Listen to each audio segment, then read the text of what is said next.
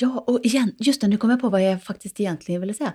Ja, just det här med att företag som inte satsar på sina medarbetare kommer att tappa kompetensen. För de kommer att, väl, de kommer att behöva gå till andra arbetsgivare som faktiskt skapar de här förutsättningarna för att vara relevanta. Det var egentligen det jag ville säga, insåg jag. Ja, inte för att vara glädjedödare, men det finns faktiskt ett bäst före-datum på kompetens idag. Och det är ett relativt kort hållbarhetsdatum. Och det är en av de största utmaningarna som organisationer behöver hantera idag. Att kompetensförsörja sin organisation i den snabba utvecklingen som sker. Inte minst inom digitalisering, teknik och innovation.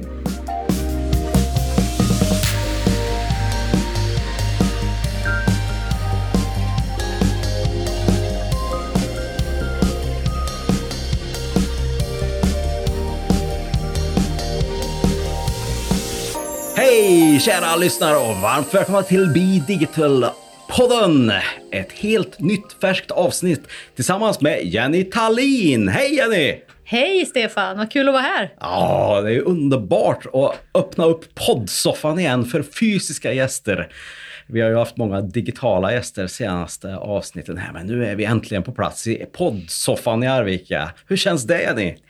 Men det känns fantastiskt. Vi har ju pratat om det här länge Stefan och äntligen får vi till det. Äntligen nappar du! Ja. Mm -hmm.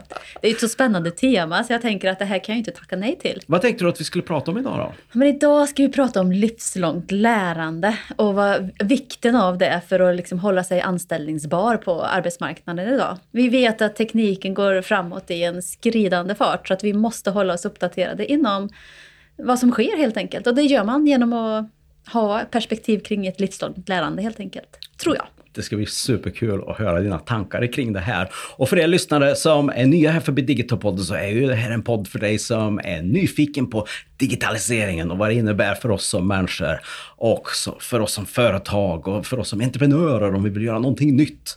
Eller bara för den som ja, vill uppdatera sig lite grann. Vilket ju det här avsnittet handlar om. Uppdatera sig själv till nästa version. Jag är stolt över att Bidigitopodden är en del i och utvecklar människors livslånga lärande i en allt mer digital tid. Så yes, ska vi köra igång? Det tycker jag. Okej okay, Jenny, du har ju faktiskt eh, fått en helt ny roll här på stiftelsen Compare som du jobbar för. Som BOOM eller Business Operation Manager. Vad innebär det egentligen? Ja, ska man översätta det till svenska så skulle jag väl säga verksamhetschef, verksamhetsansvarig. Ah. Eh, jättespännande roll som jag har klivit in i alldeles nyss, den första april. Och eh, om jag ska förklara vad den rollen innebär och vad jag ska nu ta mig an så handlar det om att utveckla stiftelsen Compare framåt tillsammans med alla fantastiska kollegor såklart. Det här gör man inte själv. Ensam är inte stark, det, det, vet vi.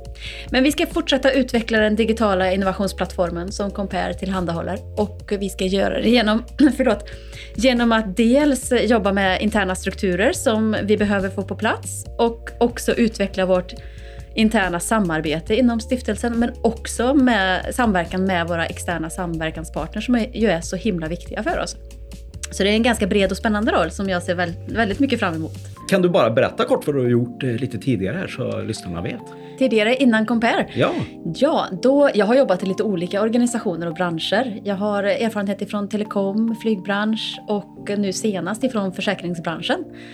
Eh, man kan väl säga att mitt djup är inom HR och beteendevetenskap. Det är där jag har min, min liksom tyngd och det är det jag framförallt har jobbat med. Men eh, de senaste sex åren ungefär så har jag hoppat in i det här djupa vattnet IT och digitalisering. Och, och det, jag tycker det är en bra öppning i det här, under det här temat att för mig handlar det om att förstå vad IT och digitalisering innebar för min del.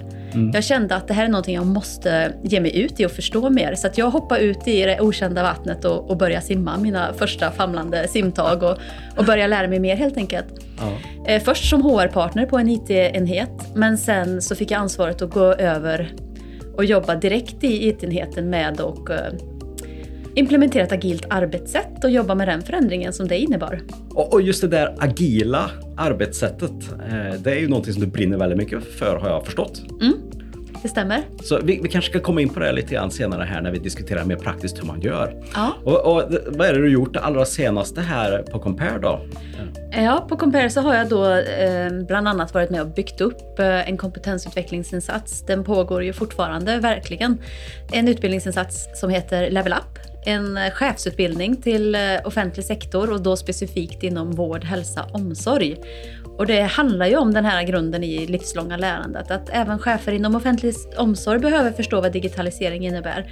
Så vi vill genom den här utbildningen ge dem konkreta verktyg och perspektiv kring digitalisering och vad digitalisering kan ge för nytta för dem, deras verksamheter helt enkelt. Spännande. Verkligen. Jättespännande. Ja. Så om vi kan gå in på det här med livslångt lärande och så här då. Vad, vad innebär det för dig? Just det begreppet. Det är ju lite flummigt begrepp så här. Ja, det, det, kan ju vara lite flummigt men egentligen är det ju ganska enkelt om man bara hårdrar det. Livslångt lärande, jag ser att det är livsviktigt för att hålla sig attraktiv som eh, individ på arbetsmarknaden långsiktigt i den här digitaliserade tiden vi lever i, där så mycket sker. Och varför är det just så viktigt just nu? Men det har varit viktigt ett tag, tänker jag. Så det är inte bara just nu, utan det här är ju en förflyttelse, en, en, ett skeende som har pågått en längre tid. Men det finns ju ingen bransch idag som inte påverkas av digitalisering och innovation. Alla behöver liksom fundera på de här frågorna för att vara relevanta i framtiden. Jag har inte kommit på någon verksamhet som inte omfattas av det här. Har du det, Stefan?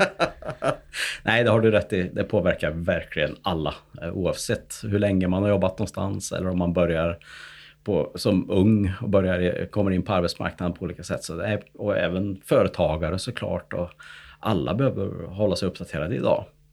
Så det är ju verkligen superintressant. Så hur, hur kan man då göra det här i praktiken? Ha ett livslångt lärande i en så här snabbrörlig tid som vi lever i. Hur gör man i praktiken? Hur tänker du? Till att börja med så handlar det om en inställningsfråga. Vad man har för inställning till lärande. Förr gick man en utbildning att bli ett visst yrke och så var man färdig med det och sen så hoppar man ut i det yrkeslivet och så jobbar man med att förfina sina kunskaper inom ett specifikt fält. Så ser det ju inte riktigt ut idag utan nu med, med det som sker och den förflyttning som sker så, så händer det att jobb förändrar karaktären helt. Vissa jobb försvinner. Och här måste ju du som individ då, du och jag Stefan, vi behöver ha perspektiv kring att man måste vara nyfiken och utforskande och hitta nya vägar. Och det tror jag också man gör genom att samverka mycket med andra. Att ha ett öppet perspektiv, ta in intryck, diskutera med andra. Så det, det är mycket ett förhållningssätt som jag ser det, det livslånga lärandet.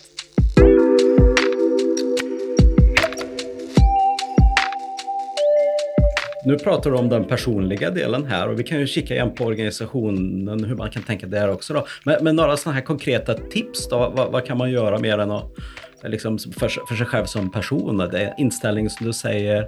Men vad, vad, kan man göra rent praktiskt förutom kurser och det här vanliga sättet att utbilda sig som man tänker? Mm. men jag tror, för det första så tror jag båda behövs. Man mm. behöver ha lite mer strukturerat utbildning och lärande som sker. För det, en del saker behöver ta lite mer tid såklart. Så är det ju fortfarande framåt också. Men man behöver också väva in det här vardagslärandet. Att ta del av poddar till exempel som den här. Och, ja, precis. I olika ämnen. Och det finns ju en uppsjö av olika poddar som är intressanta. Jag lyssnar, lyssnar jättegärna på poddar när jag är ute och går till exempel. Eh, det finns seminarium man kan ta del av, läsa böcker, ta del av artiklar, nätverka. Och sen det jag var inne på, inte minst eh, fråga kollegor om hjälp och hitta lösningar tillsammans genom diskussion. Så mycket att få in de här sakerna i vardagen tror jag på. En, en sån praktisk sak som vi har testat eh, har ju varit att man har demonstrerat eh, typ någonting som man har lärt sig eller gjort eller eh, ett projekt som man har levererat och lärdomar kring det här och sen en diskussion kring det här. Eh, vad tänker du om det? Jag tänker att det är sådana strukturer som man måste få in i ett arbetssätt eh, och att man som kollektiv då på en arbetsplats har de här strukturerna inbyggda i sin verksamhet. I det agila så kommer ju det naturligt, att man har retrospektiv, så att man har demos som du är inne på, att man möts eh, i fysisk eller digital form, det, men att man ändå möts och diskuterar progress och hur gick det senast? Vad är det vi behöver förfina? Att man, att man ställer sig de här frågorna tillsammans. Och också som du är inne på, visar upp vad man har gjort. Så att man kan få både feedback men också sprida sitt lärande till andra. Så om vi pratar om det här organisatoriska perspektivet så är det mm. ett typexempel på hur man kan jobba som organisation med att få in lärandestrukturer. Tror du folk tänker på att åh, nu utvecklar jag mitt livslånga lärande här när man gör de här sakerna? Eller tror du att man mer bara, åh, ännu ett möte att gå på eller ännu en liksom, seminarium eller ännu en träff? Nej, men jag tror nog att det kan vara både och där. Man kanske inte reflekterar över det som konkreta lärtillfällen. Men genom att prata om det och, och faktiskt prata om att vi vill stödja en lärande kultur och främja det och vik vad vikten av det är, vad, vad mycket det betyder för oss som organisation att faktiskt lägga tid på lärande så tror jag att det kommer att kunna bakas in mer naturligt i att man ser på det som lärtillfällen. Jag tycker att det verkar då som att du förespråkar att man liksom ska, lite ska smyga in det här in, in, i arbetssättet på olika sätt så att det på något sätt blir automatiskt. Så att man inte skiljer på nu ska vi gå en kurs, två dagar, lärande och så vidare. Eller nu ska jag läsa den här fackboken och lära mig någonting. Utan att man smyger in det i arbetssättet i organisationen. Eh, är, är det det du förespråkar här? Ja, fast jag skulle nog inte säga smyga in det, Stefan. Jag skulle nog säga att det, det, blir väldigt medvetet att man bygger in de här strukturerna. Ja. Och att man skapar förståelse för varför vi har de här struktur, strukturerna. Så att, inte smyga då, men i övrigt är jag helt med dig. Ja. ja, men det här som du beskriver här är ju rätt häftigt. Att man faktiskt kan bygga in lärandet in i organisationen på det här sättet. Uh, och det tror jag är någonting som många företag borde tänka på och göra och bygga in i sina strukturer som du säger. Ja, och om jag får lägga till någonting där så tror jag också att få den här acceptansen för att man prioriterar tid för lärande ja, är ja. väldigt viktigt. Så att man känner att det här är okej okay ifrån min chef eller liksom organisationen i stort. Att, att vi faktiskt förväntas lägga tid på lärande. För det kommer gynna oss som organisation i stort. Apropå det här jag var inne i, inne i inledningsvis. att Kompetensutveckling är organisationers största utmaning. Hur ska vi förmå utveckla vår organisations kompetens kollektivt i den här förflyttningen? Mm. Så som organisation så måste du liksom prioritera tid för att låta det här ske. Och vad jag tänker är att när lärande blir kul och roligt så sker det av sig själv. Då tänker man inte på att man gör det. Exakt. När man ser eh, ja, en, en, fascinerande dokumentär om någonting så, så kanske man lär sig egentligen om det som dokumentären handlar om. Men du blir bara uppslukad av dokumentären. Men du lär dig massa saker också. Och det är samma sak i ett, i ett arbetsliv också. Som är uppslukad av någonting och så lär man sig massa saker. Och här är det mer att, att liksom se till att man också medvetandegör det här så att man kan använda det även i andra sammanhang mm. genom att bygga in det i organisationen.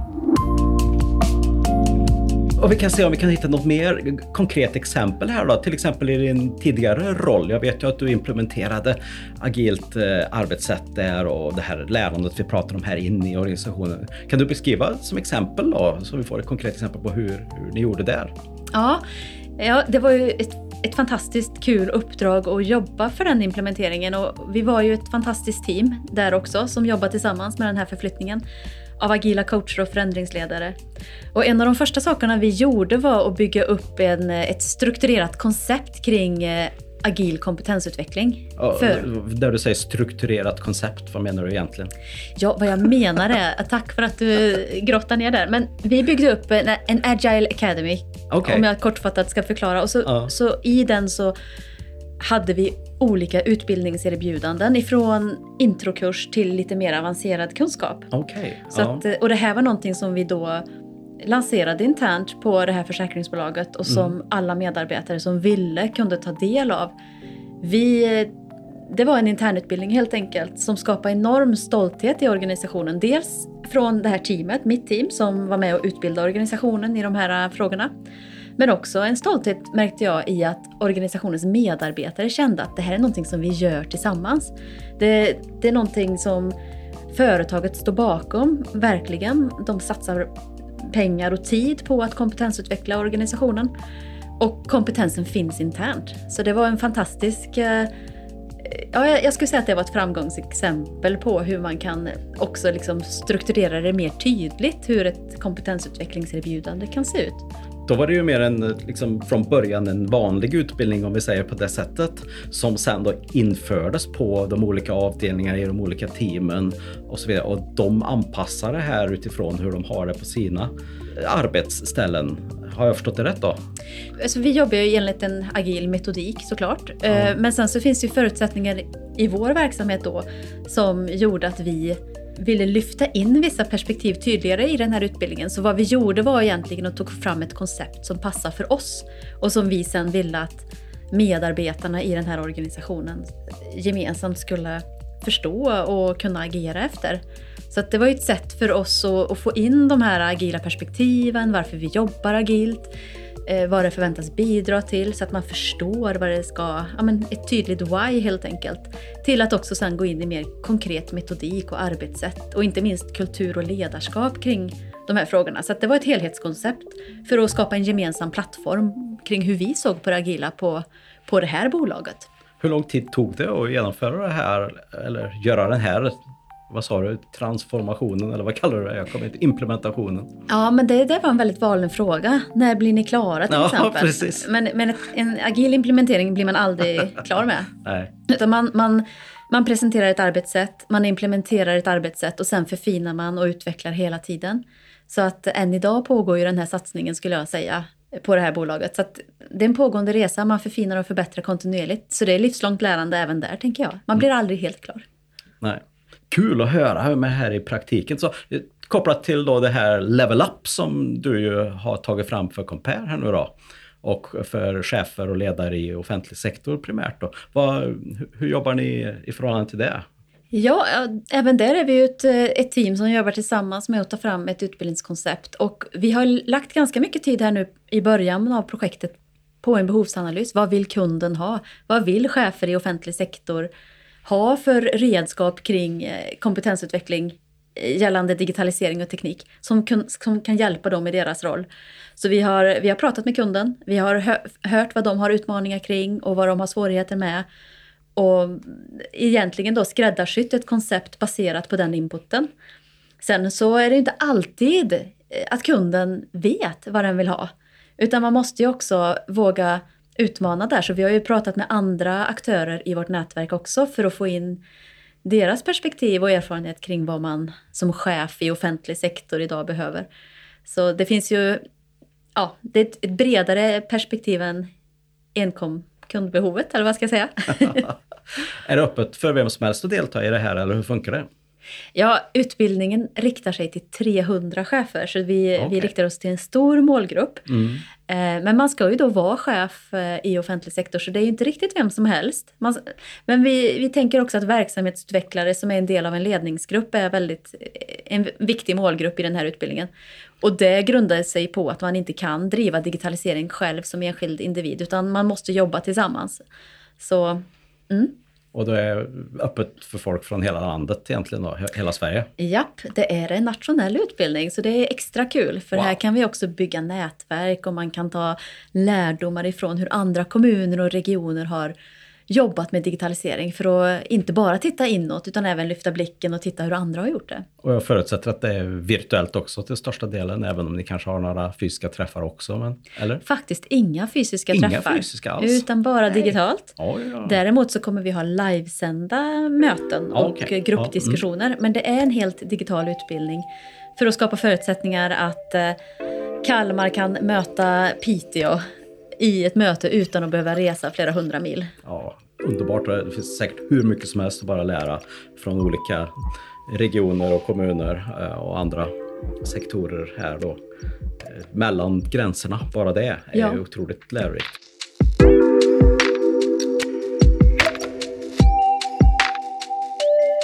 Jag brukar ju också fråga Jenny, en del poddgäster här, vad deras favoritapp är. Du kanske redan har förberett det om du har lyssnat på tidigare avsnitt. Eh, men, jag har ju eh, förstått att du frågar om den. Däremot så kommer jag inte ihåg vad de andra gästerna har sagt. Men jag har en favoritapp. Ah, okay, ah. Och den är så enkel. Den är så enkel att hantera och den fyller ett syfte och man får omedelbar respons. SMHI? Swish. Swish. Såklart. Mina barn ja. gillar också Swish kan jag säga. Ja, de gillar det. Ja, särskilt att få Swish. Va? Ja, absolut. Mm, precis. ja, men det är bra. Jag tänker också på, det jag ändå har dig här, jag vet ju att du plöjer en del böcker. Du kanske också har något boktips eh, kring det här som vi har pratat om idag? Ja, men jag har ju faktiskt det. Jag har eh, ett boktips ifrån Per Lager som heter just Upskill and Reskill. Som handlar om precis det här vi har pratat om, Stefan. Okay. Det är bara det att den här boken kan man ju läsa och få ännu mer tips och ännu mer förståelse kring de här perspektiven. Väldigt lättläst och en, jag skulle säga en nödvändighet att läsa för beslutsfattare i organisationen och, och hur de kan jobba för att implementera lärandestrukturer. Kan du bara då på kort mening förklara just reskill och upskill i de här sammanhangen då? Ja men upskill handlar mycket om att, ja men det, det hörs på namnet, att du höjer din kompetens i en befintlig roll. Och reskill handlar om att ja, din roll kanske försvinner så du behöver skola om dig till någonting helt nytt. Så det är två begrepp som Per Lager lyfter i boken, är ett sätt att eh, konkretisera vad livslångt lärande är. Så att eh, upskill och reskill är bra begrepp att ha med sig. Toppen! Vilket bra boktips! Fick jag någonting att göra till sommaren. Du kan få låna min bok. jag köper den så att jag kan ha den i hyllan och titta på den. Ja, det är bra. Det är ja, det bästa. Ja, det är det bästa. Njuta av kunskaperna, att man har dem där i bokhyllan. ja, vad kul! Tack så mycket för att du bidrog med de här eh, tankarna och idéerna och, och eh, massa floskelord här som faktiskt blev till praktiska tips som man kan föra in i sin organisation och i sin vardag också. Oavsett om det handlar om att lyssna på podd eller läsa en bok eller se på en dokumentär så bidrar det ju faktiskt till att öka sitt livslånga lärande. Eh, som man kanske inte alltid tänker på, men jag tror att det är en väldigt viktig ingrediens för att vara attraktiv på arbetsmarknaden framöver. Och är man då ett företag, att man har sin personal vid framkanten oavsett vad det är. Mm. Och att det ibland kanske är superbra att bara åka på kanske en konferens om någonting som man inte alls har tänkt på att man borde göra, komma i något helt annat sammanhang. Mm. Det är en sak som jag gärna vill delge som ett tips här. Att det är så himla kul att komma i något sammanhang där man inte alls är van. Eh, till exempel eh, åka på en konferens om AI, artificiell intelligens och så vidare. Bara, och så bara så, eh, wow, så, kom, så lär man sig massa om det. Eller en konferens om någon, någon eh, medtech, alltså någon medicinsk-teknisk grej och så vidare. Eller en konferens om, eller vad det än är. Eller bara en podd om något helt eh, ovanligt ämne. Och då, då känner jag nästan att det knakar i hjärnan så här när man lär sig någonting nytt. Och det är en ganska härlig känsla att lära sig någonting nytt, tycker jag. Ja. Eh, även om, det, om man inte alltid förstår det. Så knakar det i hjärnan och man känner att nu har jag faktiskt fått med mig någonting helt nytt. Mm. Det, så det vill jag gärna uppmuntra er lyssnare att göra. Och eh, ni kanske kan välja några andra avsnitt av podden också och lyssna på och se om ni hittar något ämne som skulle kunna knäcka er hjärna lite mer framåt och så vidare. Då så. Har du något mer sista som du vill tillägga Jenny? Jag kan väl avsluta med att säga till alla er medarbetare där ute som jobbar för organisationer att ja, men lite så här äh, pusha om, om ni känner att ni behöver liksom mer av den här varan. Att det handlar ju faktiskt om er framtid. Så att det, det behöver vara ett samspel, samspel mellan individ och organisation här. Men ja, organisationen behöver steppa upp helt enkelt. Och du eh, som medarbetare behöver vara med och pusha den resan lite om du inte känner att du får det, det du behöver idag. Och då pratar du inte bara om Compare här nu. Och det var inte en hänvisning inte. till Nej. de medarbetarna och den organisationen. Utan Nej, det är generell iakttagelse. Generella iakttagelser. Absolut, okay. ja, absolut. Bra. bra tips ja, att få med avslutningsvis. Tack så jättemycket Jenny. Tack själv Stefan, det var jättekul att vara med. Ha, var det kul? Det var väldigt lärande också, kan jag säga. Okej, okay, det var ju tur det. Den var väl investerad med tid. Hoppas ni tyckte också kära lyssnare. Och givetvis om ni vill veta mer om Level Up och den här utbildningen och hur man använder sig så gå in på compare.se och läs mer och kolla upp våra övriga poddavsnitt också såklart. Då så, ha det så gott där ute, lär och lev så hörs vi igen i nästa avsnitt. Ha det bra, hej hej! Hej hej!